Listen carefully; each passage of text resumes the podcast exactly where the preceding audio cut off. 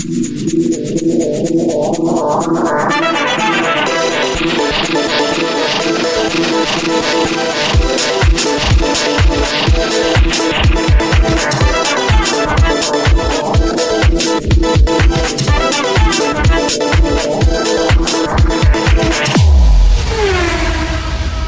Tere, kallid motoorse rahutuse ja vormel üks fännid. praegu, selle saate lindistamise hetkel on kuues november ja veidi vähem kui kakskümmend neli tundi tagasi peeti kolmandat korda Sao Paulo Grand Prix ühtlasi peeti sel ajal kolmandat korda ka vormel üks sprindisõit, mis sel hooajal oli kuues ja viimane. nägime Sao Paulo kohta üsna rahulikku ilma, kuigi laupäeval tuli selline torm rajale, et pühkis tribüünidelt lausa katuseid minema aga täna ma vestlen vormeliekspertidega, kes aastate jooksul on Sao Paulos näinud põhimõtteliselt kõike peale lume ja lendavate sigade. Tarmo Klaar. tere. ja Toomas Vabamäe.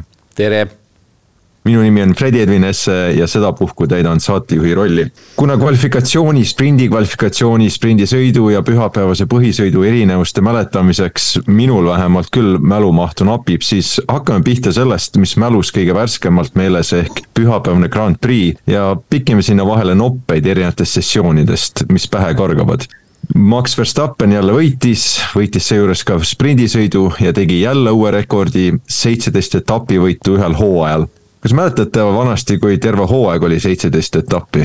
ma just vaatasin eelmise etapi järel, kui Verstappen jõudis kolmekümne ühe Grand Prix võiduni kahe hooajaga.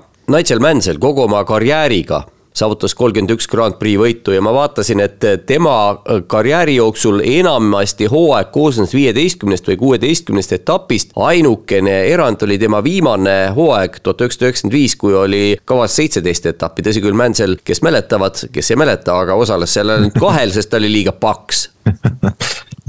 Selline on siis ajaline perspektiiv jah, ja tema staatusega sõitja ei oleks suutnud selle McLareniga, no ei suutnudki selle McLareniga niikuinii sõita, et seal oli palju hädasid, selge see, aga kuidas teie arvates peaks tavafänn seda olukorda enda jaoks lahkama, kas ta peaks teadvustama seda ainulaadset saavutust vormel üks ajaloos ja nautima neid sõite või on see lihtsalt tõesti ülim dominants ja ta peaks olema mustas masenduses sellest hooajast? Ma ei arva, et peab mustas masenduses olema, sellepärast et äh, huvitavaid sõite on ikka, et see on selline minu meelest selline väga äh, põgus huviline siis, kes nüüd sellisest väiksest asjast musta masendusse satub, kes on ikka tõsine mootorispordihuviline, see teab, et äh, arengud käivad ikka niimoodi tõusude ja langustega.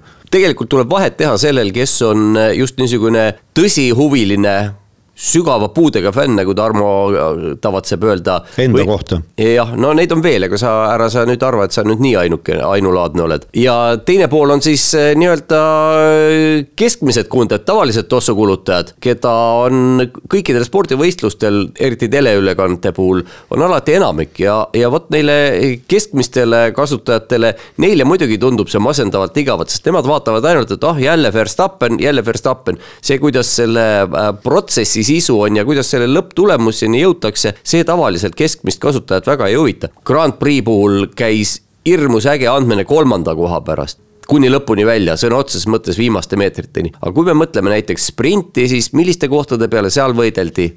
olid vist kuuendast tagapool ja niisugused. aga see keskmist kasutajat ei huvita, tema teab ikka ainult Verstappen, Verstappen, Verstappen ja ilgelt tüütu on, kui kahekümnest etapist Verstappen on võitnud seitseteist aga, aga ongi tüütu ja kui me räägime siin nagu nendest nii-öelda. aga, aga süveneme siis sellesse, et on, toimub ajalugu.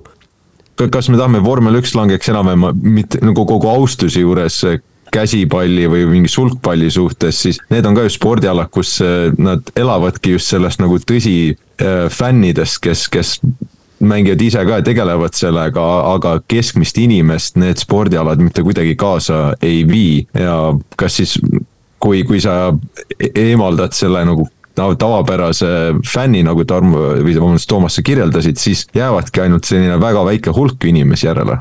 ega ei pea eemaldama jah, ja ma ei saa ka soovitada, noh, see, ma võin ju soovitada, aga nad ei kuula mind, ma võin ju soovitada, et nautige, kuidas tehakse ajalugu, aga kui see keskmine kasutaja ei tea ajaloost mitte midagi muud kui seda, et Verstappen on võitnud viimased kuus etappi näiteks või, või, või kaksteist või seitseteist, kogu ajalugu tema jaoks sellega piirdubki, siis noh, ongi tal igav. aga need, kes on niisugused puudelised fännid, noh muidugi me võime siin igasuguseid, vaatame, vaatame, kuidas meie silma all tehakse ajalugu, tõenäoliselt me teist korda seda me ei näe. no võib-olla näeme teist korda, tegelikult umbes sama juttu sai ju ka räägitud äh, Schumacheri puhul, Vetteli puhul, Hamiltoni puhul, noh nüüd on siis juba neljas kord. kahekümne aasta jooksul, jah.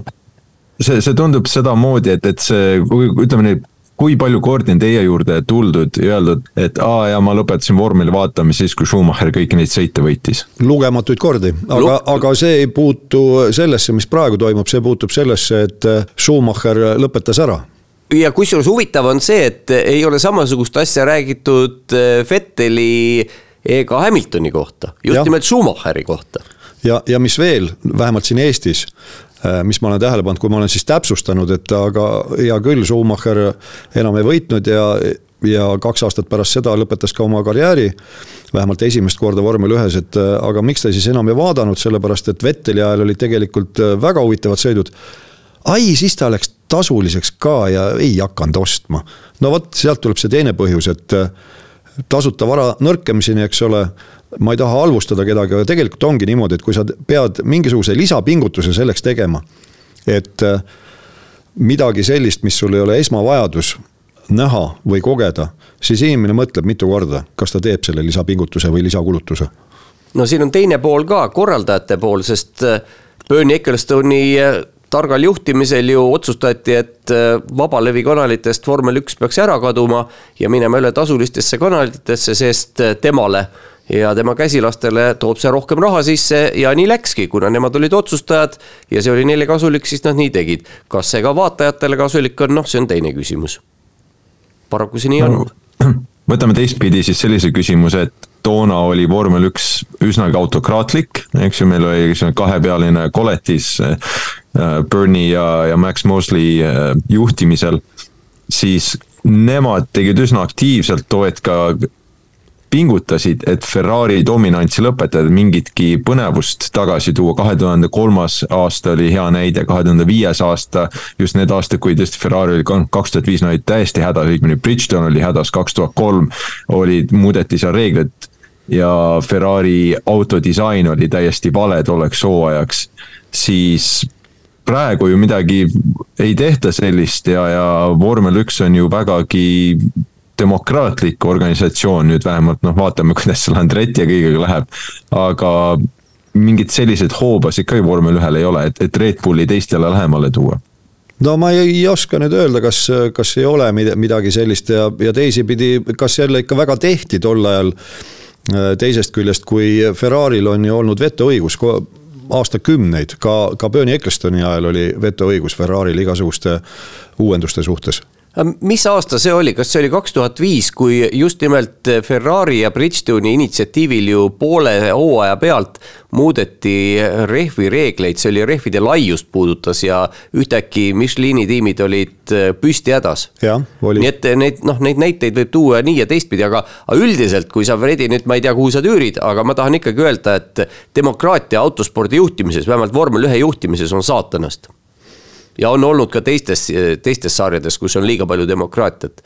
valgustatud monarh, vot see on see, mida on vaja valgustatud monarh peaks siis seal Liberty Media olema, eks ju, Stefano Domenicali juhtimisel, aga kaks tuhat viis oli ju teatavasti see aasta, kui sõideti ainult äh, ühe rehviga terve sõit ja minu teada toona ei muudetud hooaja sees midagi nendel rehvidel. mis aasta see siis oli, ühe, üks aasta see oli, kui muudeti, minu meelest Monza etapi aja eel muudeti seda reeglit, no ma võin aastaarvuga eksida, aga, aga kuskile sinnakanti oli. ja see tähendas just, et äkki oli kaks tuhat kuus et see mängis Ferrari'le kätte trumbid ja võttis Renault trumbid ära või siis teisipidi. kaks tuhat kuus olema jah. võib-olla, aga võtame teisipidi siis sellesama kahe tuhande viienda aasta ja selle, kui sa ütled, Fredi, et äh, tookord Ecclestone ja Mosley tandemina püüdsid äh, seda äh, Ferrari hegemooniat murda.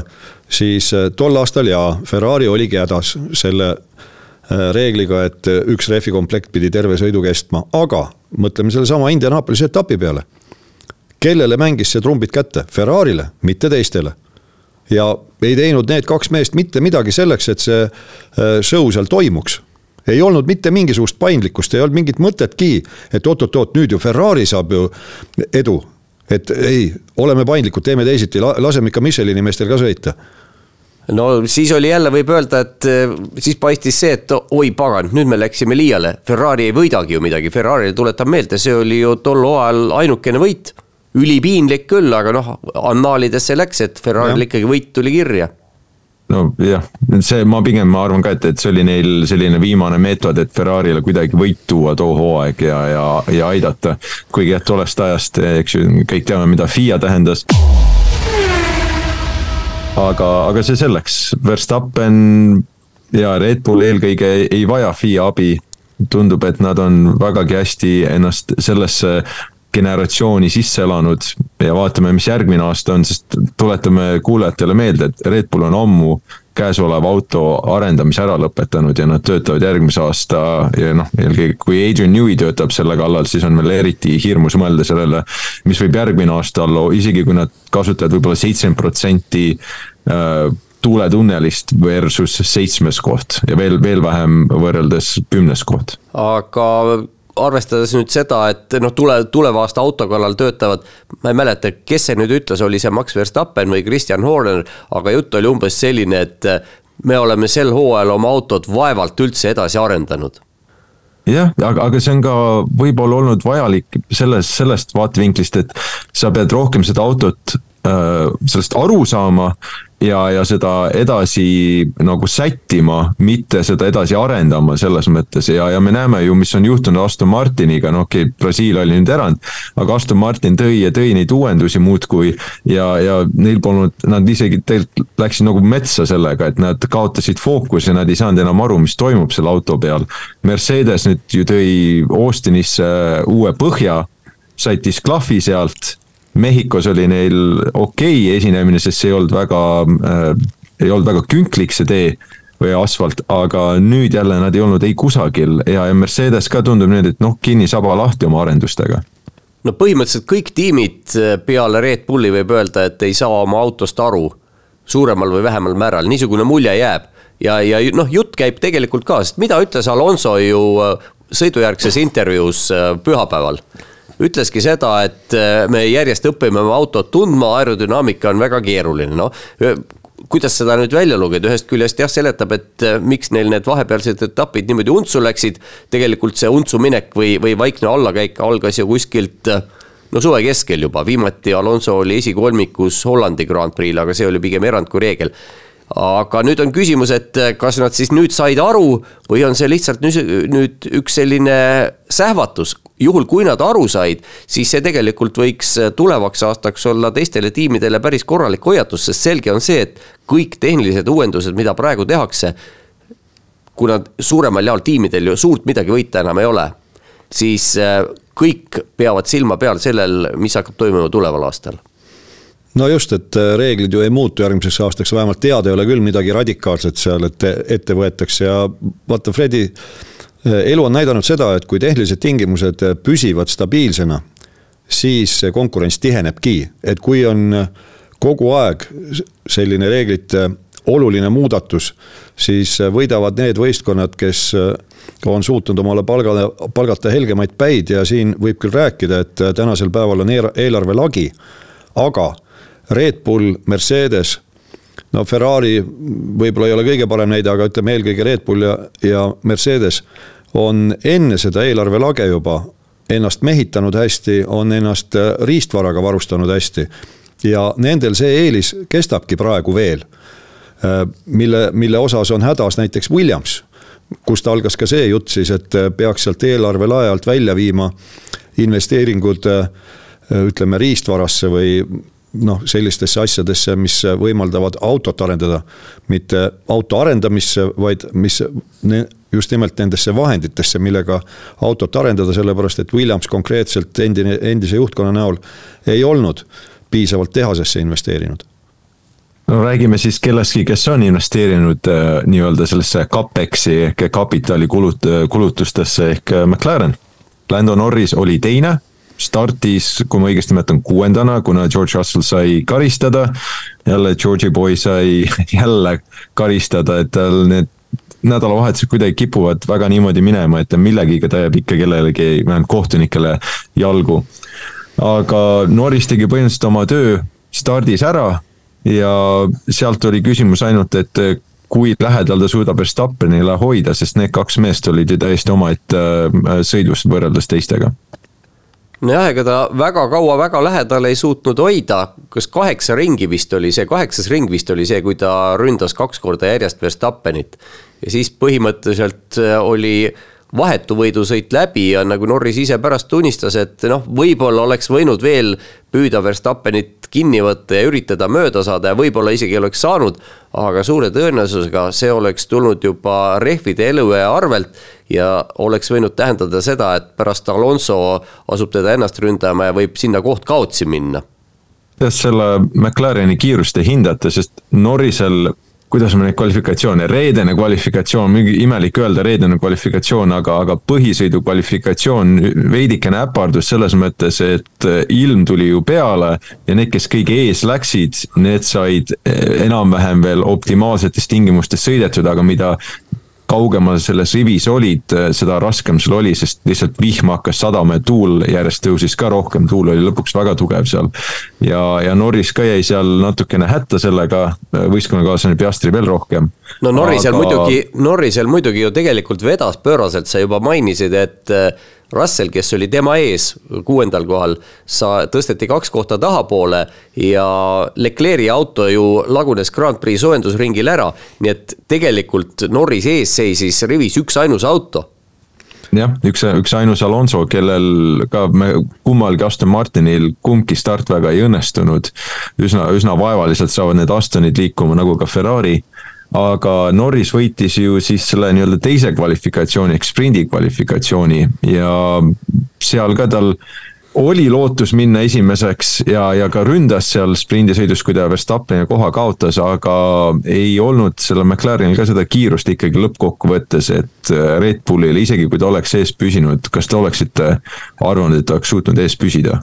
raske öelda, seal paistis küll niimoodi, et Red Bullil, ütleme eriti Max Verstappeni käes, nii nagu Lando Norris ise võistlusjärg, järgselt ütles, oli igale tema rünnakukatsele vastus olemas, alati.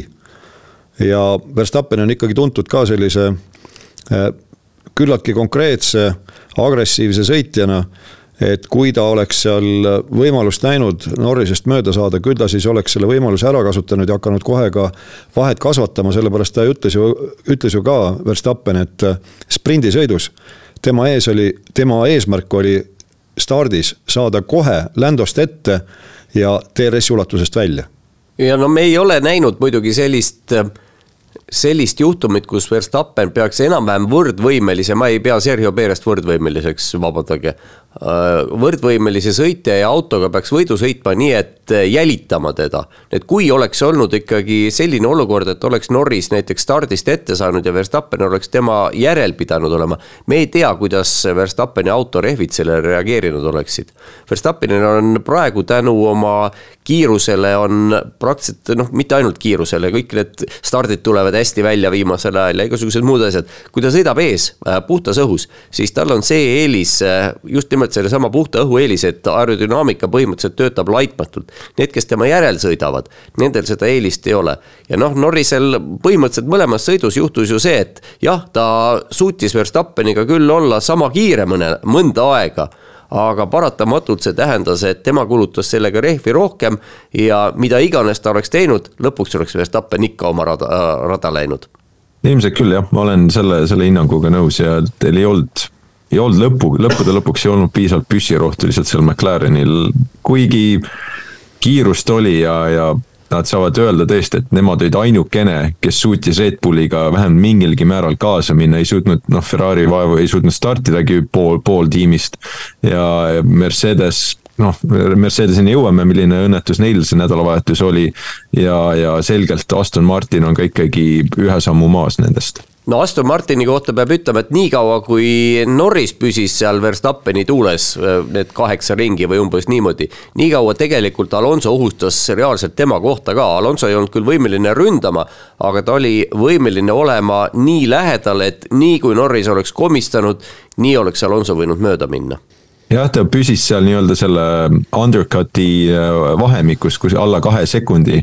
et, et oleks olnud võimalus, aga lihtsalt hakkas ühel hetkel ära kukkuma tõesti kuskil seal enne kümnendat ringi, niimoodi hakkas see vahe vaikselt ja vaikselt sisse kärisema lihtsalt, sest tundub, et äh, refi management äh,, haldamine on, on Norrisel, vähemalt selle McLareniga äh, tugevam kui Alonsol Aston Martiniga, aga lähme selle stardi juurde veel siis. startisid kolmandana, neljandana Aston Martinid, nad said ka reedel siis kvalifikatsioonis õigel ajal oma, oma rae, aja sõidetud. ja Lance Stroll kolmas ei suutnud seda, seda head starti teha, üsnagi kehva stardi tegi, pärast tegi veel kehvema stardi. nii-öelda kordusstardis ja, ja kukkus, kukkus tahapoole, aga üldiselt me nägime, et Astonil oli jälle kiirust. kuidas, kust, kust ja kuidas see tuli? nii palju, kui mina asjast aru sain, seda ju küsiti ka seal minu meelest juba pärast äh, kas äh, reedet, äh, no tähendab kindlasti pärast reedet. et kust see kiirus nüüd tuli, et kas teil on mingisugused uued lahendused või, või saite need äkki tööle siis vastus oli selline, et see on kombinatsioon uutest lahendustest ja vanadest, et nad on õppinud nüüd nendega kuidagi autot seadistama, selline oli vastus, nii palju kui mina mäletan põhimõtteliselt seesama Fredi jutt, mis enne, enne oli, et kui sa autot pidevalt muudad, siis ongi väga keeruline aru saada, kuidas ta käitub. ja tundub, et Aston vist, vist ongi sellesse ämbrisse natukene astunud, pikka aega seal kolistanud see ämber jala otsas. sest kui jah, Alonso oli viimati esikolmikus Sandvortis, aga kui nüüd vaadata tiimi tulemusena, siis praegu oli Alonso kolmas Stroll viies, viimati oli nii hea tulemus neil Austraalia Grand Prix'l, see oli hooaja kolmas etapp, kui oli Alonso kolmas ja Stroll neljas, aga noh, too oli niisugune kaose etapp. selles mõttes ma ütleks, et see praegune tulemus on isegi noh, proovi poolest, äh, niisuguse kullaproovi poolest isegi kõrgema prooviga kui too Austraalia. see on, see on hea jah, et sa Strolli välja tood siin, sest tegelikult sprindisõidus neil oli ka päris hea kiirus mõlemal, nad startisid tagantpoolt ja suutsid mõlemad kahekesi eda-, edasi edeneda selles võistlusrivis. ja kui me räägime sellest juba, siis ma arvan, et me peame ka ära mainima selle omapärase situatsiooni, mis oli siis Alonso ja Esteban Oconi vahel kolmandas kurvis seal umbes keskel kuidas teie seda olukorda nägite, üks kaamera näitas, et äh, Ocon kaotas põhimõtteliselt tagaotsa pidamise, auto muutus ülejuhitavaks ja siis muutus alajuhitavaks ja siis äh, sõitis Alonsole sisse. teine kaameranurk näitas, et Alonso ise keeras vasakule ja parkis selle auto üsna keset teed ja jätnud Oconile piisavalt ruumi. Ei, see teine variant ei vasta kindlasti tõele, jah, Alonso küll natukene vajus vasakule, aga selgelt see oli Oconi oma sõiduviga ja Alonso oli lihtsalt valel ajal vales kohas, ta jättis piisavalt ruumi. ei olnud küsimust äh, selles, et äh, oleks pidanud Ocon kuidagi kuskilt läbi pugema ja oli trajektooril ees ja see on kõik selline lapselalin. jah, me Tarmoga seda lahkasime ka seal sündmuste käigus, sündmuste vahetus äh, keerises. jah, vahetus keerises võib nii-öelda või vahetult sündmuste järel ja, ja jõudsime täpselt sellele järeldusele ja noh, Oconil, see oli väike sõiduviga tõesti, aga see oli piisav, et auto vajus ideaaltrajektoorilt kõrvale, Alonso oli talle jätnud ideaaltrajektoori vabaks aga kui ta kaldub sealt kõrvale teisele, teise suunda täiesti, no siis ei olegi midagi teha ei olnudki jah midagi teha, ma nägin ühte fännivideot äh, sealtsamast see, kus sirge hakkab siis kolmanda-neljanda kurvi vahel. ja see fännivideo näitas, et too hetk, kui, kui Alonso, ta keeras ikkagi sissepoole ja selle, selle nurga alt mulle tundus, et kes ei, no me ei saa Alonso süüks seda panna, eks ju, Alonso, vabandust, Ocon tuli lihtsalt lennates ja kaotas põhimõtteliselt kontrolli, tal puudus kontroll oma auto üle. ja Alonsol oleks olnud tegelikult võimalus seda veidi vältida, kui ta ei oleks vasakule keeranud, see oli tõesti küsimus mõnes, ütleme kümnes sentimeetris. ja oleks ta Ocon mööda läinud, lennanud ja Alonso oleks iseennast ka sellega päästnud ja oleks saanud Q2-s sõita korralikult, nii et ja tõenäoliselt oleks ta ka Strolli sellega päästnud, sest Stroll ei saanud ringi aega kirja ja,. jah, jah, nii et, et seal natukene jäi segaseks, miks Alonso keeras vasakule selles olukorras, ma olen täiesti nõus, ikkagi ta ei, ta ei teinud, Ocon oli selles nagu peaosaline aga tal, kui ta oleks püsinud paremale poole rohkem, ta oleks suutnud selle, see olukord oleks jäänud juhtumatu, Ocon oleks lihtsalt kontrolli kaotanud, oleks võib-olla lihtsalt pikaks lasknud selle kurvi, olekski kõik olnud ja lõppresultaat Oconi jaoks ei oleks muutunud selles mõttes, et oleks ikkagi kuu kahest välja jäänud. jah, üsna, üsna tõenäoliselt, aga noh, jällegi, mida me siis Alonso, no ta ei teinud ju seda meelega, eks ole, teda mingisugust, mingisugust põhjust teda süüdistada ju ei ole ja noh, Oconi ka, no mida sa süüdistad, läks käest ära ja samamoodi tegelikult ju paljudel, kui vaadata just eriti kvalifikatsioonis, seal sõidetaksegi teise-kolmanda kurvi vahel, kus tuleb suunda muuta, alguses keeratakse paremale, siis hakatakse vasakule keerama. seal enamik autosid vibasid sellises olukorras vibasid tõesti äh,, aga räägime siis sellest Alonso ja Perezi meeletust äh, võidusõidust seal. Minu jaoks tundus tõesti niimoodi, et Alonso päästis kaks faktorit siin, esiteks see, et Perez tegi oma tüüpilise Red Bulli vähemalt selle aasta sõidu, kus ta kuskil kvalifitseerub esikümne lõpus ja tal on jälle kiirust põhisõidus, et siis peab tegema väga palju möödasõite ja lõpuks tõuseb kuskile poodiumile või poodiumi piirimaile ja täpselt seda nagu stsenaariumi ta pühapäeval ka jälgis. aga tundus, et päästis see fakt, et Alonso suutis Hamiltonist kohe esimesel ringil mööda panna ja, ja me nägime, et teised väga, no võttis ikka aega, enne kui Hamiltoni rehvid alt täiesti ära kulusid, et, et teised said mööda, eelkõige Perez sai sealt mööda.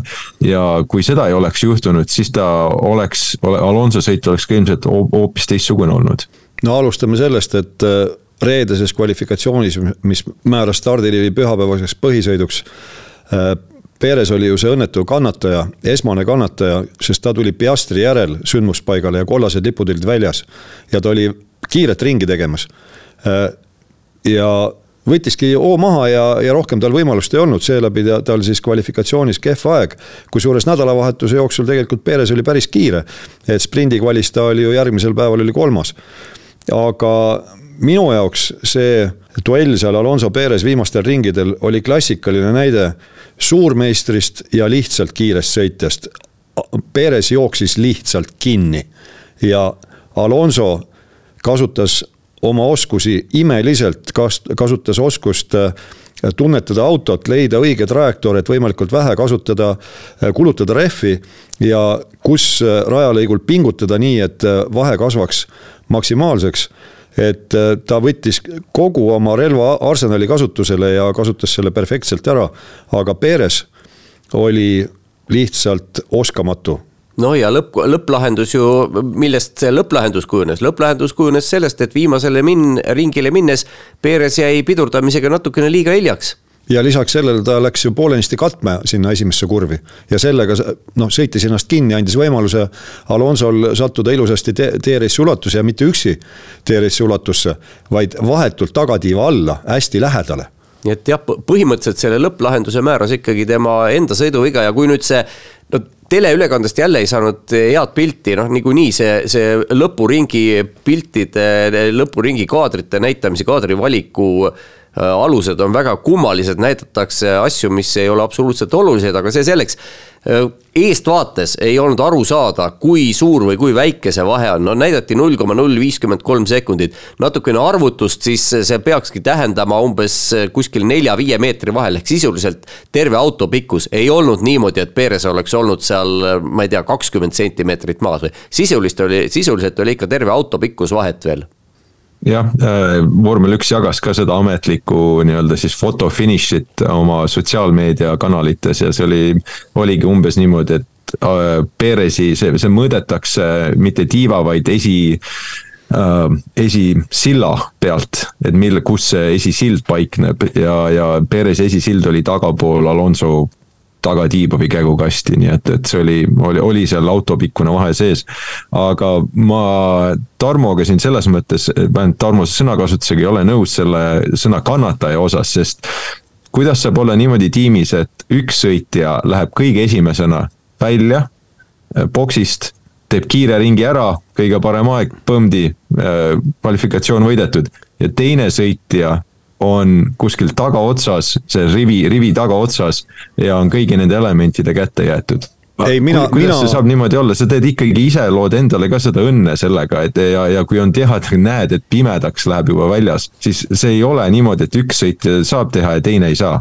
Ei, ei mina, mina räägin konkreetsest situatsioonist, see, millest sina ei, räägid, see. see kannat-, ei no aga ta ise pani ennast sotki, kui sa, sa oled, nii-öelda sa ei saa kannataja olla, kui sa jääd ise sinna täiesti lõppu ja elemendid on juba kõik rajal, tuul, vihm ja, ja Piastri oli ka üks viimaseid, kes seal oli Peresiga ja, ja selle, sel hetkel ongi juba sul ju palju raskem seda kiiret ringi sõita. no Piastri oli ise üks element, nagu sa ütled, see segav faktor, aga no see sel, selles mõttes on muidugi õigus, aga, aga see, mida Tarmo tahtis öelda, ma saan aru, on see, et äh, Perez ei teinud ise selles konkreetses ühes olukorras, kus ta aega kaotas, ei teinud ise midagi valesti. just seda ma pean silmas, aga see, et millal ta rajale läheb, ega see ei ole ju suurelt jaolt või sõitja otsus, see on valdavalt ju meeskonna otsus, millal ta saadetakse, jah.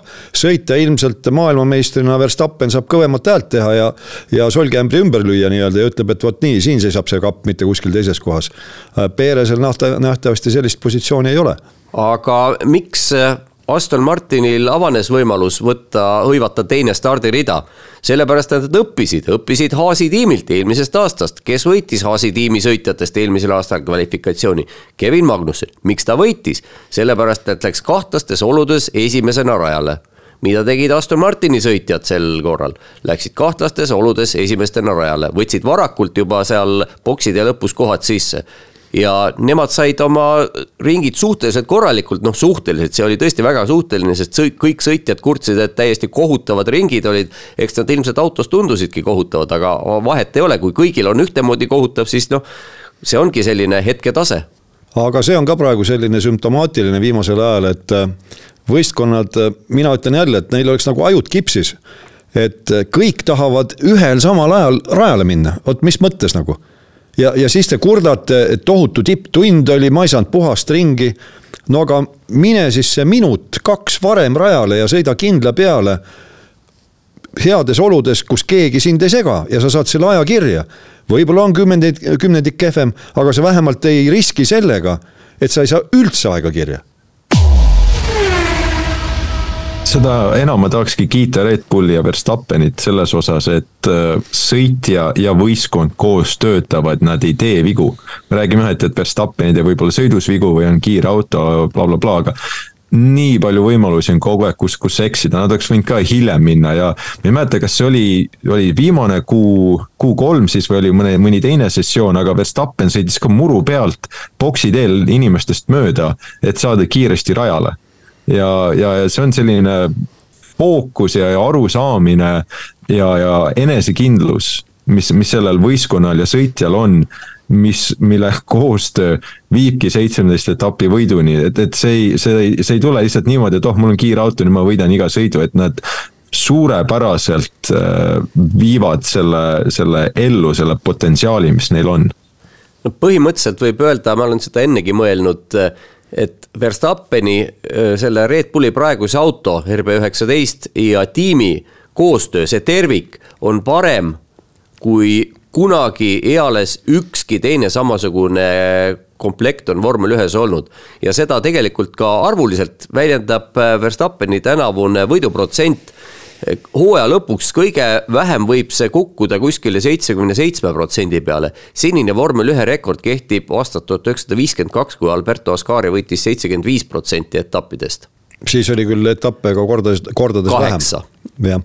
jah, jah, kolm korda vähem põhimõtteliselt okei okay,, äh, Verstappit võibki kiitma jääda Red Bulliga koos, aga mis siis veel, Alonsost rääkisime natukene, ma tahtsin veel selle ka ära mainida, et, et tänu sellele vahele, et ta suutis äh, Norrisega koos püsida ja samal ajal Perez oli Hamiltoni taga kinni. tuli see, see vahe kärises kuskil kaheksa sekundi peale.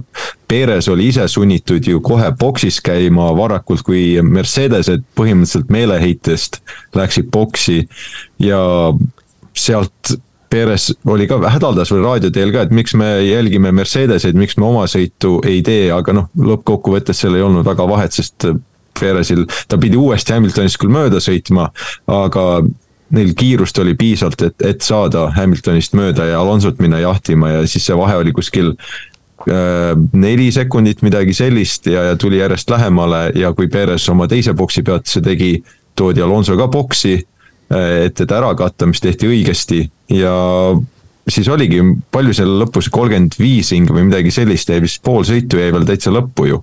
et, et seda sõita ja, ja mis selle minu arust märgiline on, te ütlesite ka väga hästi tabasite ära, et Perez sattus ju viimasel ringile, viimasele ringile minnes esimeses kurvis eksis. ja ta oli, pide, pidi ainult ühe ringi kaitsma Alonso vastu ennast. ja Alonso tegi seda, mitu, mitu tegi, vähemalt üle kolmekümne ringi pidi kaitsma Perezi vastu ja sai sellega ideaalselt hakkama et see oli, see on ka minu arust see märgiline erinevus ja kui ma hommikul käisin jalutamas, ma tabasin ennast mõttelt, et Alonso vähemalt väga meeldejäävad sõidud, see oli üks see on tõesti, mis tema karjääris minule jääb isiklikult meelde väga, väga hea sõiduna. teine oli see kaks tuhat kakskümmend üks alpiiniga Ungaris, eks ju, kui Ocon võitis ja ta hoidis Hamiltoni kümme ringi vist enda selja taga ja see oli ka noh, fantastiline sõit ja kuida-, kuidas hoida palju kiiremat autot selja taga. ja viimane oli siis, mis mulle pähe, pähe kargas ka Alonsolt jälle oli see kaks tuhat ma tahan öelda nüüd neli või oli äh, San Marinos. ma võib-olla ajan aasta, aasta sassi, aga kui ta hoidis Schumacheri, kas oli ka üle kahekümne viie ringi, kakskümmend kuus ringi. hoidis enda selja taga, et, et Alonsol tundub seda annet olevat äh, saada aeglasema autoga parem tulemus. no muidugi peab ütlema, et äh, kui nüüd möödasõiduvõimalustele mõelda, siis Imolas või Ungaroringil kedagi enda selja taga hoidma, hoida on ikkagi suurusjärgu võrra lihtsam, kui teha seda Interlaguses.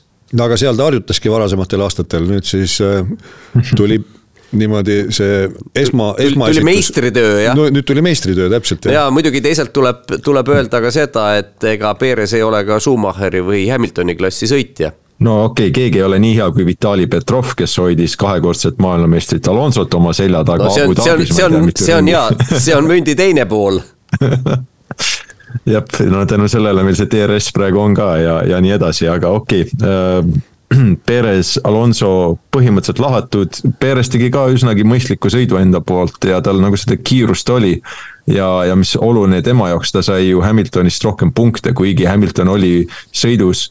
kui start lahti läks, oli juba, nagu me eelmine sõit mainisime ka, et ongi see Verstappen, Norris, Hamilton, see trio oli jälle ees, esikolmik, aga siis Mercedes lagunes täiesti laiali ära ja mida me Mercedese kohta siin Toomas on juba näpp kohe püsti, mis sa, mis sa Hamiltoni Mercedese kohta, eelkõige Hamiltoni ja Mercedese kohta tahad öelda? ma tahtsin öelda seda, et mingisugune hetk sõidus oli, kui Mercedesed vajusid järjest, no nad ei olnud veel väga kaugele vajunud, aga nad oli, oli näha, et nende tempo on väga kehv ja taganttulijate tempo on oluliselt kõrgem ja mingi hetk ma tabasin ennast ka mõttelt ja, ja ütlesin selle ka ülekandes välja, et kas Mercedesed kukuvad nüüd punktikohtadelt välja, sest mingisugusel hetkel noh, küll äh, boksi peatused, äh, ma peast muidugi ei teadnud seda, need põhimõtteliselt välistasid selle situatsiooni lõpuks ikkagi, aga ega see nüüd võimatu stsenaarium ei olnud no oleks äh, Leclerc, me jõuame veel selleni ka, aga oleks Leclerc sõidus olnud, oleks see võinud vabalt juhtuda, Piastri oleks ilmselt eespool olnud nendest ja ega ma isegi ei välistaks Ricciardot ja, ja Tsunodat, kui neil oleks, oleks puhas, puhtam sõit olnud. oleks võinud täitsa vabalt olla eespool Hamiltoni, jah. päris kindlasti no isegi, no Russell oli niikuinii ju, see oli ka muidugi naljakas, kui me nüüd Mercedesest räägime, kuidas äh, Russell ju üsna sõidu alguses, see võis olla mingi kolmas, neljas, viies ring, kui raadiosidet lasti meile ja kus Russell ütles, et töötame koos Hamiltoniga ja hoiame teisi kinni või püüame eest ära sõita, mis iganes see mõte siis oli.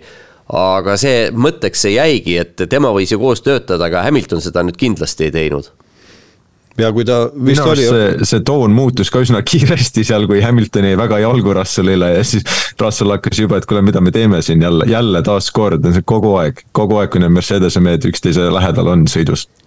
no ja see ka oli tore, kui jutumärkides, kui Russell küsis, et kas me äh, sõidame omavahel võidu või sõidame teistega, siis tuli vastus, et me arutame see oli, see oli muidugi nüüd jah, täiesti geniaalne, sest noh, me oleme Mercedese võidusõidutiimi alati kiitnud. okei okay,, ei ütleme mitte alati, viimased kaks aastat võib-olla on väike erand, aga kuni kahe tuhande kahekümne esimese aastani kaasa arvatud.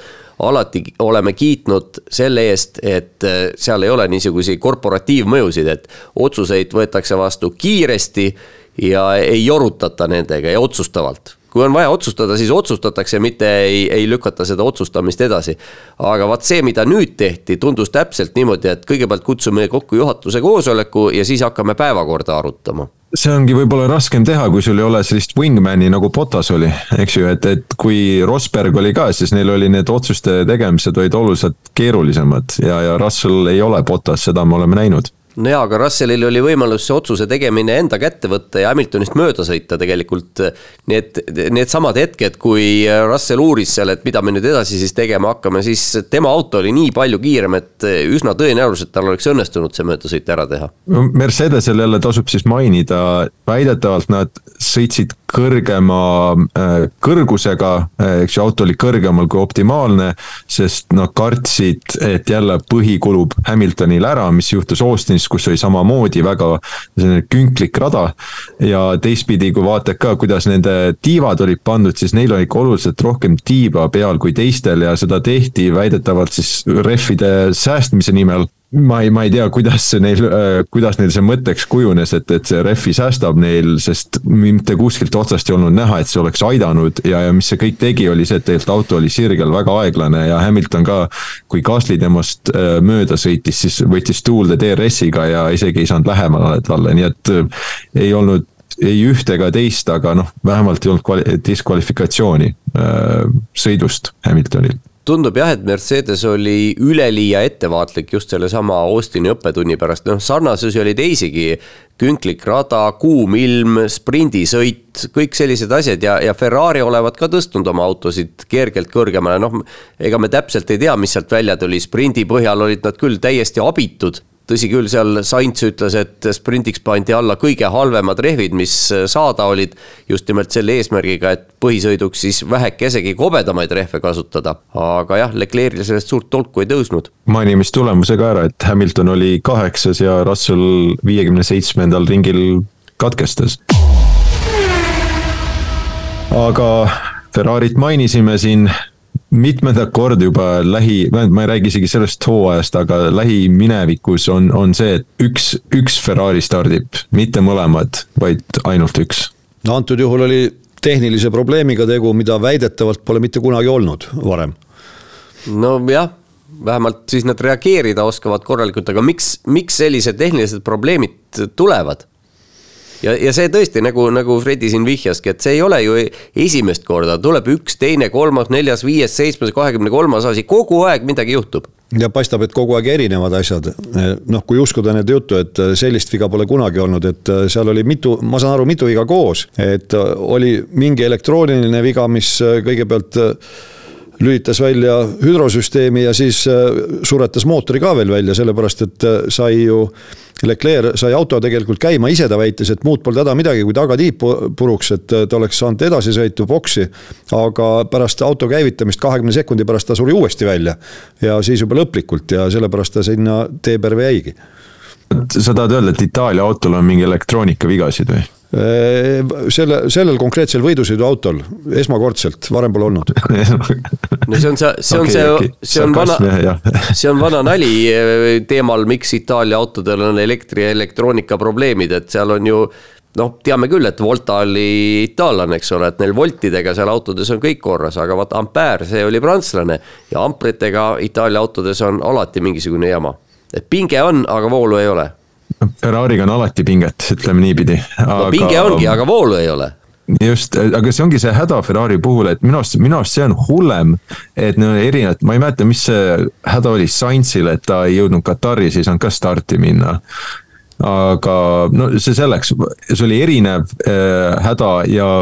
siis oli vist toitesüsteemiga midagi, toitesüsteemiga oli tookord vist midagi vist küll jah, jah, aga suurem häda ongi see, et need on erinevad asjad. Ja kui sul erinevad asjad lähevad kogu aeg katki ja oleks üks asi, siis vähemalt, et okei okay,, me saame selle, sul tõenäosus, et sa saad selle korda, on suurem ja sa tead, milles, milles see probleem on, aga kui sul erinevad asjad selles doominos kogu aeg ümber kukuvad, siis selle, seda on palju raskem adresseerida ja, ja võib viidata sellele, et, et see häda ja, ja see, see probleem tuleb kuskilt hoopis sügavamast kohast, mis võib olla ütleme siis sama riistvara, mida nad kasutavad, tarkvara, simulatsioonid, seal võib väga erinevaid põhjusi olla, aga mingi, mingi probleem peab sellel olema, et Ferrari on eriti, võtame, võtame Red Bulliga võrreldes oluliselt äh, ebatöökindlam no ja kui me võtame nüüd selle Ferrari kogu selle komplekti, siis teine nõrk külg, mida küll sellel etapil ei olnud võimalust demonstreerida, on nende poksitaktika. seal nad kogu aeg ju leitakse ka uusi ja kavalaid võimalusi, kuidas oma paljutõotavad võimuse, võidusõidud tuksi keerata. kui just ei juhtu Carlos Sainz, kes eh, olema juures, kes ütleb, kuidas peab tegema Carlos Sainz, kes võiks, kui ta pensionile läheb, võiks Ferrari seda strateegiatiimi juhtida vabalt ja saaks ilmselt oluliselt paremini hakkama no,. miks, miks Kataris, miks Kataris läks nii hästi, sellepärast et Sainz oli seal poksimüüri peal just okei okay,, äh, Sainz sai kuuenda koha siis ja, ja mainime selle ka ära, et jah, neil kohe, kui start toimus midagi, siis Sainz ütles, et, et ta ei jõua ära oodata, kui saab selle Maranellos selle äh,. äh siduri prügikasti visata, jah jah, et võime, võime ka öelda, et okei okay,, et Leclerc oli seal, pidid startima teiselt kohalt, aga me ei ole isegi kindlad, et see oleks väga midagi muutnud, ilmselt Norrise jaoks oleks midagi muutunud, sest tal oleks veel üks selline objekt ees olnud, kellest üritada mööda saada. aga, aga lähme edasi, seitsmes Pierre Gasly, alpiinid, Ocon sai ka punkti, kümnes kuidas nendes nädalavahetust hinnata, Gasly ütles, et see oli põhimõtteliselt Alpinile nende kõige parem nädalavahetus, mis oli minu jaoks väga üllatav väide, aga Ocon ütles, et veel on palju tööd teha, et kui võib-olla saab aru jah, et kuidas tiimi sees üks, üks sõitja nägi ühtpidi, teine teistpidi, sest Gasly sai Hamiltonist mööda sõidetud ja võib-olla see tundus talle äh, see suure, suurema saavutusena kui väljaspoolt see tundub, aga ka üldiselt tundus, et Gasly ütles, et ta on nagu hakanud autoga rohkem sina peale saama.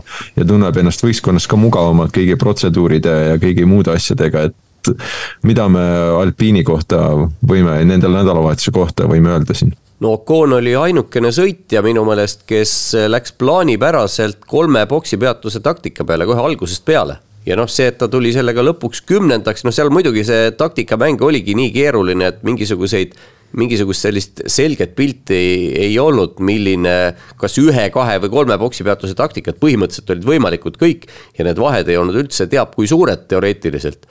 nii et kes mida valis ja et ta mängis selle niimoodi enam-vähem korralikult välja, muidugi nende kõigi katkestamiste ja asjade taustal, ega ta normaalsetes oludes ei oleks sinna esikümnesse jõudnud. aga Gaslyl küll, tema sõit, kui vaadata, kuidas ta sealt edenes, noh, see Hamiltonist möödasõit on üks asi, aga ta ikkagi tuli täiesti korraliku tempoga, pidevalt liikus, nii et tunnetuslikult võis see tal tõesti kõige parem alpiinivõistlus tänavu olla no ilmselt sellel taustal jah, mis äh, eelnevalt nädalavahetusel oli toimunud, sellepärast et ega neil seda kiirust äh, väga ei olnud, aga seoses selle Gasly möödasõiduga Hamiltonist mul tuleb meelde, ma vaatasin täna ennem siia tulekut äh, seda kokkuvõtet sealt ametlikult vormel ühe koduleheküljelt ja see oli nii hale naljakas, kuidas nagu mina tavatsen, mitte ei tavatse öelda, vaid see on niimoodi, et need Briti kommentaatorid on ütleme no pea, peaaegu minestamise ääre peal, kilkavad nagu noored aadlipreilid. ma ei tea, mis ime, imelist asja nähes, kui kas-, kui Hamilton sõidab kasvõi surnud kassist mööda, siis hoolimata sellest, et äh, see loom ei liigu enam mitte kuhugi. Nad karjuvad omal kopsud tagurpidi, need on pool kilomeetrit neil suust väljas, et äh, milline imeline möödasõit, kus on. ja siis, kui nüüd Gasly sõitis Hamiltonist mööda, siis oli no matuse meeleolu, see, see on isegi leebelt öeldud. see maailma lõpu meeleolu. see oli maailma lõpu meeleolu tõesti, seal ei olnud mitte mingit emotsiooni, see oli täiesti tuhm hääl sealt noh, see oli hästi, minu jaoks oli see hale naljakas kuulata. aga pane nüüd Tarmo ennast kommentaatorina sellesse olukorda, kujuta ette, et seal Hamiltoni asemel oleks olnud keegi Eesti sõitja.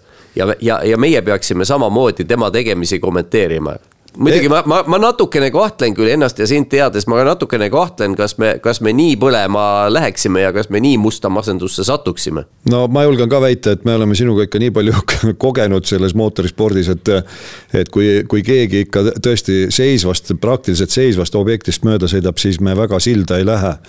Ja no päris nüüd matusemeeleollu, noh, püüame mitte langeda. Ah, te olete lihtsalt tuimad Eesti mehed niikuinii, mis seal ikka sealt ei, kivist ei pigista vett ka välja. no miks sa pidid selle nüüd välja ütlema? Milleks seda oli vaja nüüd meie kuulajatele välja öelda, no kõik ilus on rikutud, mina ei tea, lõpetame selle saate siin ära, mina ei tea.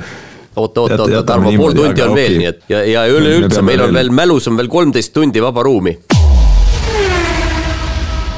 las ma kogun siis okay, ennast natuke. las ma värskendan mälu siis veel sellest poolest, et äh, viimaselt kolmelt etapilt Alfa Tauri on saanud nüüd viis, kuus ja viis punkti jälle. ja on, on väga heas vormis tegelikult ja Ricciardo läks, nad reedese päeva nad rikkusid endale ära, neil kvalifikatsioon läks, läks vett vedama. Nad ei suutnud oma täit potentsiaali näidata, nad suutsid juba sprindi kvalifikatsioonis äh, seda tasa teha ja sprindisõidus ka, neil oli kiirust ja, ja Ricciardo tegelikult, tal oli ka kiirust ja punktidel, ta lõpetas üheksandana seal.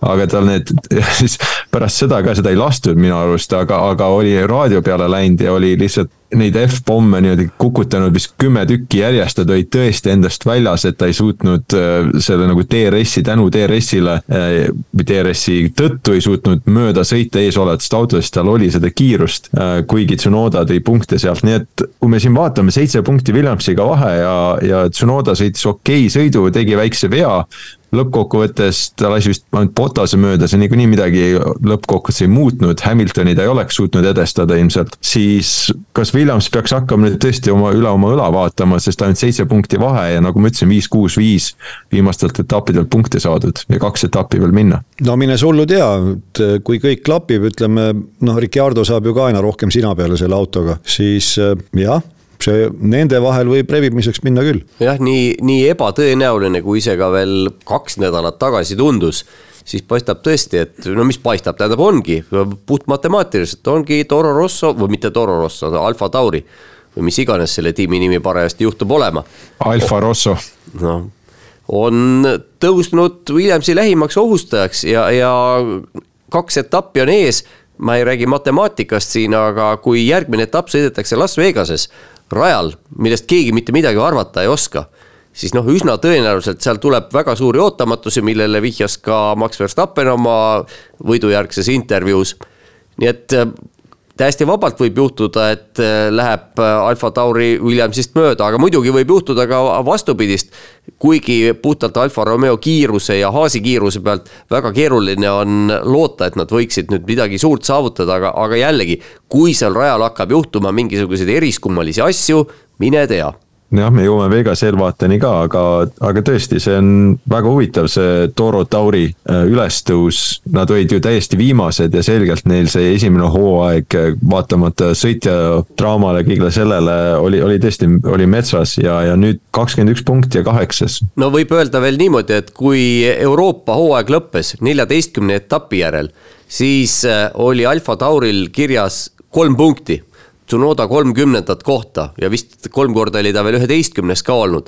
no siis Singapur seal välgatas, sai, Liam Lawson sai kaks punkti, aga see oli ka pigem teiste äpardustest kui enda tugevusest. aga nüüd need viimased kolm etappi, siin ikkagi võib öelda täiesti selgelt, et need uuendused, mis USA etapiks välja toodi, need töötavad jah, need on välja sõidetud tulemused, need ei ole sülle kukkunud. noh, natukene on paranenud need väljakukkumiste tõttu, teiste seal katkestamiste ja igasuguste muude asjadega, noh, see on võidusõidus tavaline. Olgu ja mis meil veel, kellest me veel võime rääkida, siis on äkki see esimese ringi äh, situatsioon kahe Haasi ja ühe Williamsi vahel. oota, enne, äh, ma tahaks tegelikult öelda, et minu meelest on Yuki Tsunoda nüüd saanud ka täiesti uue hingamise tänu sellele, et see auto on hakanud enam-vähem niimoodi toimima, nagu ta ette kujutab no see on üks asi ja võib-olla ka ikkagi Ricciardo tulek kuigivõrd.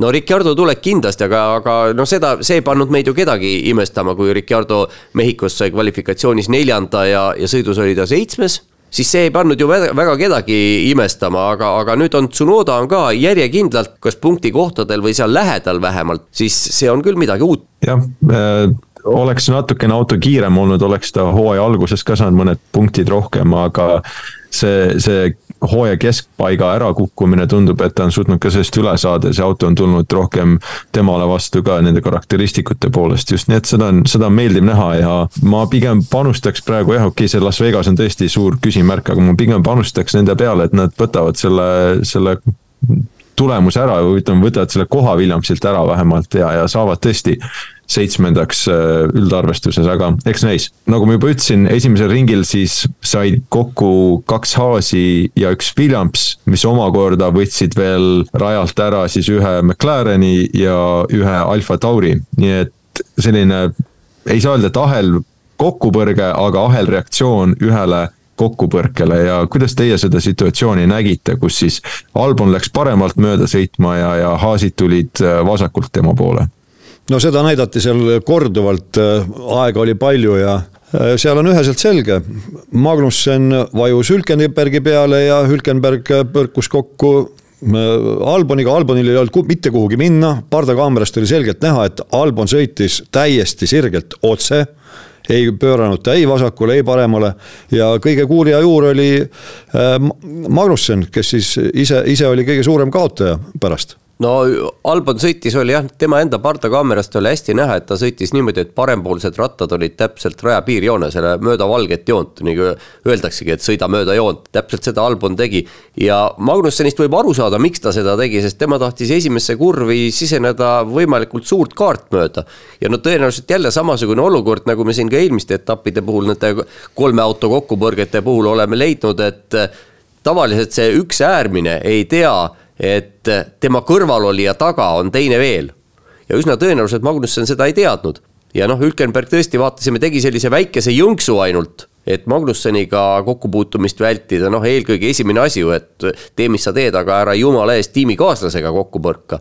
noh, ja võttis sellega siis äh, mõlemad lõppkokkuvõttes maha jah, selles mõttes oli, ma nägin ka seda süüd eelkõige Magnusseni peal, sest ta läks jälle esimeses kurvis maksimeerima oma tulu ja, ja lõpuks ütleme nüüd, et veeretas täringuid ja need täringud ei toonud talle õnne, sest niimoodi minna pressima, eriti Brasiilias, kus võid tegelikult sisekurvis ka väga nagu, see ei ole nii oluline olla just seal väli, välis, täiesti väliskurvis, sest järgmine kurv on kohe teises suunas ja sa saad olla ka eh, sisekurvis olles järgmises kurvis olla väliskurvis ja kanda rohkem kiirust sealt välja, nagu Alonso Strolli vastu tegi seal eh, stardis, nii et. see ei olnud nagu otseselt mitte kuidagi vajalik minna nüüd ja mingi hull nagu sihuke, see nurk või kurv avada endale, nii et. ja see alati stardis sa pead ju teadma, et, et seal võib keegi olla kuskil, kui sa niimoodi lähed oma trajektoori muutma sirge peal, siis see võib kaasa tuua midagi. No just nimelt, äh, ainus, mis võib äh, Albonile süüks panna, ta tegi väga hea stardi. Äh, kaks parimat starti. Esimeses stardis olid Norris ja Albon ja kusjuures Hülkenbergi puhul oli ju näha ka veel, kui par, tema enda pardakaamerast, et Hülkenberg nägi enne, kui ta selle trajektoori korrektsiooni tegi, ta vaatas peeglisse ja ta teadis, et on, et on seal tal teine auto paremal pool kõrval. aga no mis tal teha oli, kui, kui ta vasakult vajub tiimikaaslane peale? jah, mis seal teha on tõesti ja ma ütleks, et see kõige suurem kaotaja ei olnud Magnussen, sest ma ei usu, et Haasik mitte kuidagi niikuinii oleksid punktidele jõudnud, pigem see kõige suurem kaotaja oli ilmselt Piastri, kes oleks saanud sealt või viisakad punktid võib-olla isegi Saintsist eespool olla ja, ja kuuenda koha punktid saada. ma ei usu, et neil Aston Martini vastu oleks olnud rohtu, aga sealt läks McLaren jälle punkte kaduma, kuigi noh, Norris tõi teise koha punktid koju ja sai vist, ta sai kõige kiirema ringi ka, kui ma õigesti mäletan.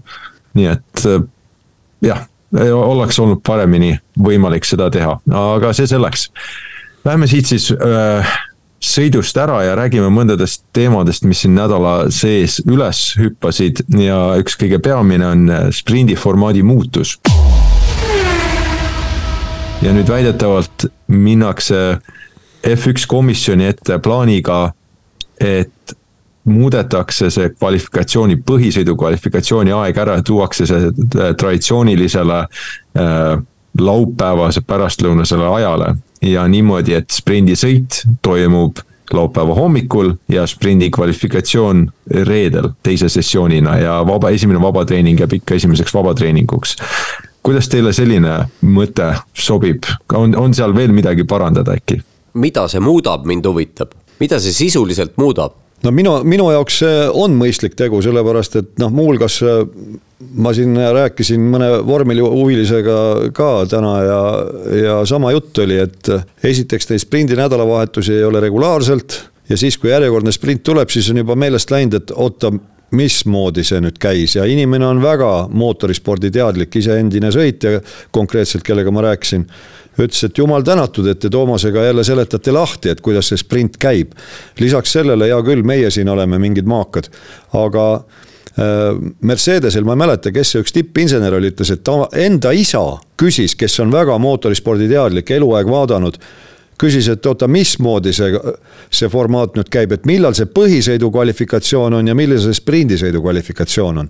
et selles mõttes see järjestus niimoodi panna on minu jaoks ka loogilisem no mina näen seda, kui, kui niisugune järjestus tekitatakse, siis äh, põhisõidu kvalifikatsioon ehk see, mida nimetataksegi kvalifikatsiooniks, see kindlasti võidab sellest ajakava muudatusest. aga nüüd kujutage ette, kui sprint ise toimub no teleülekande mõttes hakkab siis toimuma laupäeva hommikul kell üksteist või meie aja järgi.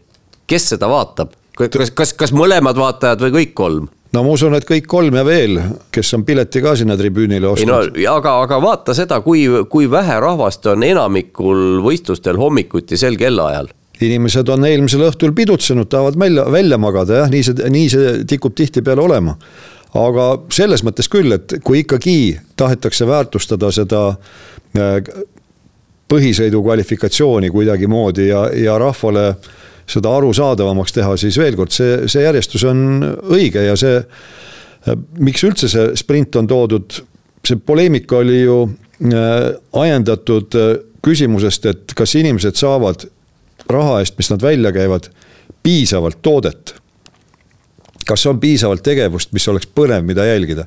sealt see sprindi formaat äh, välja kasvas. aga mina väidan, et praegu nad endiselt ei saa ja see, kui tõstetakse see ringi, siis seesama sprindisõit, kolmandik põhidistantsit, see puutub, muutub veel mõttetumaks, kui ta praegu on nii et pelgalt see ajakava ümbertõstmine, mina väidan, sellest ei muutu mitte midagi võib-olla muutub see, ma ei saanud täpselt aru, kuidas see Park Fermee tingimused siis on seal, sest praegu sa pead panema, eks ju, auto lukku pärast esimest vabatreeningut, kas siis sa saad sprindi kvalifikatsioonis muuta seda veel ja sõidus, sprindisõidus enam ei saa? ma saan aru, et idee on selles, et lasta sprindi ja kvalifikatsiooni vahel, ehk siis laupäeva päeval mingiks ajaks äh, Park Fermee nii-öelda lahti aga seal panevad juba muud reeglid, kasvõi ajaline raam, et sa ei saa, sa ei jõua kõiki seal lihtsalt puhtfüüsiliselt, no me ei tea, me ei tea ju seda konkreetset ettepanekut, mis seal tehakse. ongi nii, et need on praegu kõik kõlakad ja põhimõtteliselt mind äh, ajas isegi naerma see, kui sel nädalavahetusel nüüd võimendus äkki see äh, sprindi formaadi jutt ja millest see ajendus, see, et äh, nüüd ühtäkki tahetakse kangesti muuta. kui näiteks Aasil on mingisugused probleemid seoses sprindiga, siis see ei huvita mitte kedagi. aga nüüd Austinis ühtäkki Ferrari ja üks Ferrari, üks Mercedes diskvalifitseeriti sellepärast, et põhjaplaat kulus liiga palju. miks ta kulus liiga palju? Sellepärast, et rada oli künklik, autod olid äh, madalaks seadistatud ja vahepeal ei saanud neid ümber seadistada ilma karistuseta. ja nüüd tekkis probleem, nüüd hakkas mõte liikuma, et oot-oot-oot, aga äkki muudaks ära, äkki muudaks äh, kinnise pargi reegleid, ehk siis park fermee eesti keeles on kinnine park. ja tegelikult just see, mida Toomas ütles, et äh, tänaseks päevaks on ju nii palju igasuguseid muid piiranguid. On eelarvelagi, on tööaja piirang, mina lõpetaks selle park, äh, sellisel kujul selle Park Fermee pulli ära, et ongi pärast sprindisõitu on in, autod mingi aja kinnises pargis, mõõdetakse üle mingisugused asjad, kas pisteliselt või siis äh, ette teadaolevalt, ma ei tea, esikuuikul näiteks. ja ülejäänud ajal kruti nii palju, kui tahad, kvalifikatsiooni ajal kruti nii palju, kui tahad, nii palju, kui sul aega on. Anna vinti, kasvõi viimase hetkeni muuseas, see ei ole midagi innovaatilist, sellepärast et siis, kui FIA pidas veel niisugust sarja, mille nimi oli VTCC ehk turismiautode MM-võistlused, siis seal põhimõtteliselt oligi täpselt selline kord, seal oli kaks võidusõitu. Nende vaheline aeg, no see aeg, aeg seal varieerus, aga kahese võidusõidu vahel oli mingisugune aeg, kus anti äh, kinnine park vabaks. Ehk võis autosid remontida ja seadistada. Ja nüüd on siis seesama asi põhimõtteliselt vormel ühte ka võib üle võtta, aga, aga ma Tarmo siiski arvan, et sa teed nüüd natuke natukene liiga, kui hakkad, hakkad siin rääkima Ferrarist ja Mercedes, muidugi nad hädaldasid, kui said disklahvi Austinis. aga see ei olnud see esimene liikuma panev jõud, sest see jutt, et äh, formaat ei sobi, sprindisõidu formaat on jama, no see on käinud algusest peale, korra seda juba ju muudeti ka kvalifikatsiooni osas, et äh, on eraldi sprindi kvalifikatsioon, aga mis me siis nägime, kui, kui, kui see muudeti eelmisel aastal oli teistmoodi, mis siis sisuliselt teistmoodi tänavu on eelmise aastaga? Mitte midagi, sprindid on ikka sama igavad ja mõttetud, nagu nad eelmisel aastal olid. noh, punktikohtadele seekord ka tõesti väga, väga pinev ei olnud, aga punktikohtade piirimail käis hirm, hirmsasti vägev andmine. aga veel kord, kui tahetakse nii väga seda sprinti hoida, siis äh, laske need kinnise pargi reeglid vabaks just selle, sellesama möödunud nädalavahetuse näite varal Mercedes ilmselgelt, ise nad ütlesid ka, midagi nad saad-, seadistused, seadistuses tegid väga-väga valesti. ja nüüd pärast esimest vaba treeningut nad, nad olidki sellega kammitsetud. Nad ei saanud enam mitte midagi teha, terve nädalavahetus on tuksis. kvalifikatsiooni järel selgus, et tegelikult neil on probleem, aga seda probleemi enam karistuse vabalt lahendada ei saa no ma tuletan meelde, et Singapuris oli täpselt samasugune probleem Red Bullil ja nemad ei suutnud ka kolme vabatreeninguga seda probleemi omal kõrvaldada. nii et eh, noh, vaatame siis niimoodi, et ega see ei pruugi olla mingisugune päästerõngas. kui sa ikka, ikka vehidki vales suunas, siis ega seda õiget tulemust ei tule sealt ei, seda küll, aga, aga vähemalt sul on võimalus, sul on võimalus mida, midagi parandada ja mina olen raudselt see, seda meelt, et sellisel kujul praegu need kinnise pargi reeglid on jama. jah, võimalik, aga mina ikkagi oleksin, kui, kui nüüd rääkida sellest, mis need võimalikud lahendused võiksid olla, mina ikkagi tahaksin radikaalsemaid asju näha. näiteks sprindiks kas äh, pööratud stardijärjestus või siis vähemalt mingi, ma ei tea, ükshaaval kvalifitseerumine, üks ring ainult igale ühele ja lasta nad sinna kvalifikatsiooni, kvalifikatsiooni näiteks, sprindi kvalifikatsiooni siis, lasta nad äh, meistrivõistluste pööratud järjekorras. ehk kõige paremad sõitjad peaksid äh, startima kõige kehvemal rajal. noh, vormel E on jälle midagi sarnast kasutanud. just jah, ma olen, ma olen ka pigem sellega nõus, et, et tuleks seal teha midagi rohkem selliseid äh, pööratud järjestuse asju, eraldi meistrivõistluste sari sprindis võiks olla. no kas just meistrivõistlused, aga see võiks, võiks ikkagi ka nagu rohkem, rohkem väärtustada neid, neid tulemusi ja neid punkte, sest praegu on no mhm. tänavu vähem, aga, aga kahel eelmisel aastal oli tunne, et noh, korraldajad ise häbenevad seda, et see sprint üldse toimub. kuidagi niimoodi ääri-veeri, meiega noh, hea küll on, et ega me väga ei taha ka nagu ja me väga ei taha tast rääkida ja no ega ta ikka võidusõit ei ole ja, ja kogu selline suhtumine, no publiku lõppkokkuvõttes saab sellest aru. Jah, ja see on ikkagi, kui me mõtleme alternatiiviks on see, et lihtsalt on vaba treening. Selle asemel, no see ka parem lahendus ei ole minu arust, sest see vaba treening tava, see vaatajale, see on lihtsalt mõttetu meelelahutus. ja see ei olegi meelelahutus, see on lihtsalt mõttetu tavavaatajale ei anna see mitte midagi, aga. no lähed istud äh, kuskile magistraali äärde ja vaatad möödasõitvaid autosid. suvalise suure maantee ääres sa näed ja. neid rohkem ja tõenäoliselt ka kiiremini liikumas, kui, kui ja, Saksamaal näiteks on. see on puhtalt tiimide jaoks, see televaatajale see ei paku mitte midagi. no jälle, kuidas, kuidas MotoGP tänavuseks ju tegi niisuguse järsu lõike, et lihtsalt pauh kõikidel etappidel on sprindisõit ja selle võrra on vabatreeninguid vähem. jah, kõik hädaldavad, et õudselt keeruline on saada nüüd tsiklit seadesse ja ongi keeruline ja neil ongi probleemid. aga mina ütlen, et seal on kokkuvõttes tulnud küll väga-väga palju põnevamaks on läinud kogu see intriig heakene küll, seal võivad ka muud tegurid olla, aga, aga sellist igavuse paraadi nagu vormel ühes seal kindlasti ei ole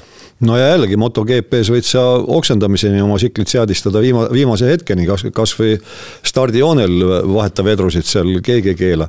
Aga mis puudutab, ütleme traditsioonilist, kui ma sellest äh, sprindi formaadist hüppan välja, traditsioonilist äh, võistlusnädalavahetust, siis no Logan Sargent tõi selle väga hästi välja, et äh, kiidetakse või jah, kiidetakse. Alonsot ja Hamiltoni, kes omal ajal, kui tulid, olid kohe ilged tegijad ja vot nüüd tulevad noored sõitjad ja nii nagu pigilinnud ei tule neid tulemusi ja, ja ei tule ja ja noh, ei saagi aru, et me kuidas nad üldse sinna F1-te on jõudnud, aga unustatakse ära üks lihtne asi. Äh, Hamilton oli selle ajastu viima-, üks äh, viimaseid produkte, kes sai nõrkemeseni harjutada kehtivate reeglite järgi ehitatud autoga. Mingeid piiranguid ei olnud. Ja nüüd räägitakse ühest suust, et äh, hea küll, vormel kaks on tore asi, aga ta ei valmista piisavalt hästi ette võistlejat vormel üks sarjaga liitumiseks. Tehke kohustuslikus korras üks vaba treening ainult noortele sõitjatele, ei sõida ükski põhisõitja. Näiteks esimene vabatreening, teil on lubatud kasutada ainult oma arendussõitjaid, palun väga kohustuslikus korras. no siis see tähendab ka, et kõik äh, tiimid peaksid need arendussõitjad endale palgale võtma. noh, mis, mis laiendaks jällegi seda, seda võimalikku pilootide baasi. noh, igasuguseid äh, võimalusi muidugi on, aga seda peab ka ütlema, et iseenesest ju see sprindisõitude mõte, et äh, sprindid ei ole mitte kõikidel nädalavahetustel, et nädalavahetused võivadki, võivadki olla erineva formaadiga, see on väga hea ja, ja seda võiks ka mingisugusel teisel moel edasi ju arendada. sama asi, noh, mõnel nädalavahetusel, mõnel etapil siis võiks olla see kohustus, et peavad esimesel vabatreeningul näiteks ainult noored sõitjad osalema, aga kõikidel ei pruugi seda olla. Igasuguseid muid äh, mängumaid on veel võimalik, ei pea olema kõik niimoodi, et on kõik etapid, isegi ajakavad kõik täpselt minuti pealt ühtemoodi, noh seda tänapäeval õnneks ka enam ei ole, Burni aegadel ju see niimoodi oli, käis selline meeletu unifitseerimine. Ühesõnaga jah, meil on rohkem Hadjareid vaja äh, sõitma vormel ühte, et seda ma tahaks täiega telekast vaadata, et okei okay,, see selleks Lähme edasi järgmise teema juurde, mis on siis, äh, tuli siin kuulujutt Jaapani meediast välja, et Toyota on ostmas ära Audi osalust Sauberis. Ja kuidas kui tõsi, ütleme nüüd, kui tõsiselt te hindate seda tõenäosust eh, kõigepealt ja kas see oleks eh, Sauberile ja, ja vormel ühele pigem positiivne või negatiivne muutus? no ma võtan kohe sõnajärje omale ja ütlen, et minu meelest see on täielik pullisõnnik. Eh, Toyota ei saa nii loll olla, nad on vormel ühes olnud, nad on praegu tippvõidusõidus nii kestvussõitudes kui autorallis uute reeglite, tehniliste tingimuste kehtimine on ütleme väga-väga pehmelt öeldes mitte väga lähedal, vaid see on kohe homme ehk kaks tuhat kakskümmend kuus peaksid nagu hakkama kehtima uued tehnilised tingimused, mida lõplikult veel ei ole kokku lepitud, kusjuures. ja ükskõik, kas siis räägitakse Toyota liitumisest mootoritarnijana või veel hullem võistkonnana, siis nad ju teavad väga hästi, milline ettevalmistus selleks kulub, et äh, liituda sarjaga konkurentsivõimelisena. eelmine kord nad tulid ja neil oli justkui aega, aga ega nad kohe ju väga konkurentsivõimelised ei olnud ja kohe äh, ja nad ei jõudnudki üldse võitu, võitudeni, nii et äh, ma ei usu sellesse. Ei ole ühte, ühestki, vähemalt minu jaoks usaldusväärsest allikast tulnud mitte sahina poegagi, et kuskil äh, oleks seda arutatud, et oleks lekkinud mingisugunegi ideepoeg. ma ei usu, et see vastab tõele. no ühest küljest kõik uus on hästi unustatud vana, nii et äh, mis aastal Toyota tuli vormel ühte? kaks tuhat kaks. kaks tuhat kaks, no sellest on kakskümmend üks aastat möödas ja tõenäoliselt neid töötajaid, kes tol ajal olid ametis, neid praegu enam väga palju seal ei ole, nii et nad, see teadmine, et vormel üheks tuleb valmistuda rohkem kui kaks aastat, võib tulla uudisena neile. aga kui nüüd päris tõsiselt rääkida, siis mina ka noh, ma ei tea viis protsenti võib-olla on, on selle teate usaldusväärsus minu jaoks. ja argumendid täpselt sama, mida Tarmo juba siin ette luges, mida neil võita oleks sellest ja, ja veel üks võimalus, Toyota ei saa tulla vormel ühte niimoodi, et mootor kuskilt mujalt tuleb, isegi nii, et nad oma märgi sinna peale panevad, see mootor ei saa tulla kuskilt mujalt ja Toyota ei ole ju hübriidajastul mootorit ehitada, ehitanud vormel üks sarja, neil see kogemus ju täielikult puudub. ja no Priuse mootorit ei pane sinna peale. ilmselt mitte no, jah. puudub ka Volkswagenil, Audil aga Audil on ju see, tööd on ju käimas ja nad on sellega tegelenud. Minu arusaamist mööda juba kaks aastat ja Just. väidetavalt selle aasta sees tahetakse valmis mootor, mitte ühesilindriline selline makett, vaid täiesti valmis mootor tahetakse juba stendi panna Ja kaks aastat enne seda, kui see peaks rajale minema. ja, ja, ja Volkswagen Audi on ju äh, oma esindaja läbi osalenud nende, nendes kõigis äh, komisjonide aruteludes, mis siin puudutavad uusi tehnilisi tingimusi. ma küll ei tea, et Toyota oleks seal kaasatud no mind kutsutakse ka koosolekutesse, kus ma varem ei ole käinud äh, ja IP ehk siis intellectual property ehk mis on siis mootori disainid, kõik need, need on alati müüdavad. saad alati panna osana sellest paketist nii-öelda, mis ostetakse, mida, mida Volkswagen või Audi siis üldse teeb seal aret-, poolaretatud mootoriga niikuinii, kui nad peaks loobuma. ikka, ikka siis nad peaks selle ära müüma.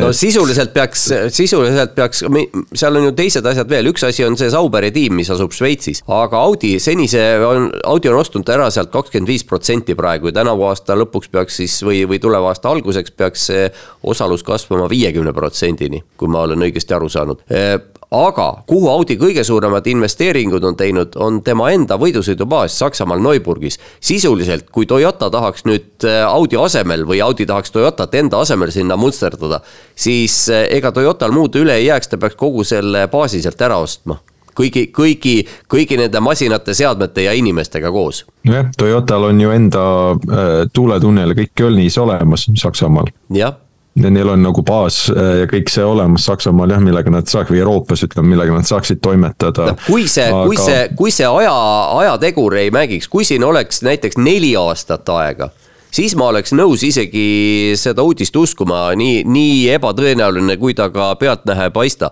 Aga just see, et ainult kaks aastat ja neil ei ole mitte midagi, neil on täiesti tühi paberileht, tühjad pihud, siis see tundub noh, avantüür ikkagi. ja siis mulle tundub, et siis nad tõmbaksid tagasi üks, üks kahest, kas seal kestvussõitudest või, või autorallist. aga oleme ausad, autoralli MM-i tasemel on nii mõttetu spordiala, kus seal need kaks pool tiimi võistlevad omavahel, kui palju on seal tippsõitjaid, umbes neli meile, meile Eestis on, tundub see küll maailma kõige tähtsama spordialana, aga, aga maailma mastaabis ja Toyota on ju maailma suurim autotootja, siis see on mingisugune marginaalide marginaal nojah, aga Toyota tuleb ju järgmisest aastast, kui õigesti aru saan, R5-ga ka veel MM-ile välja. no las ta tuleb, noh. et selle selles mõttes noh, muidugi see R5 on omaette äriprojekt lihtsalt. just, seda saab müüa inimestele, sellega on võimalik osa sellest rahast tagasi teenida, ega siis, ega siis WRC-st lahkumine tehase tiimina ei tähenda, et sa ei või seda R5 autot edasi arendada, võta Citroen näiteks. ja ei, seda küll, aga, aga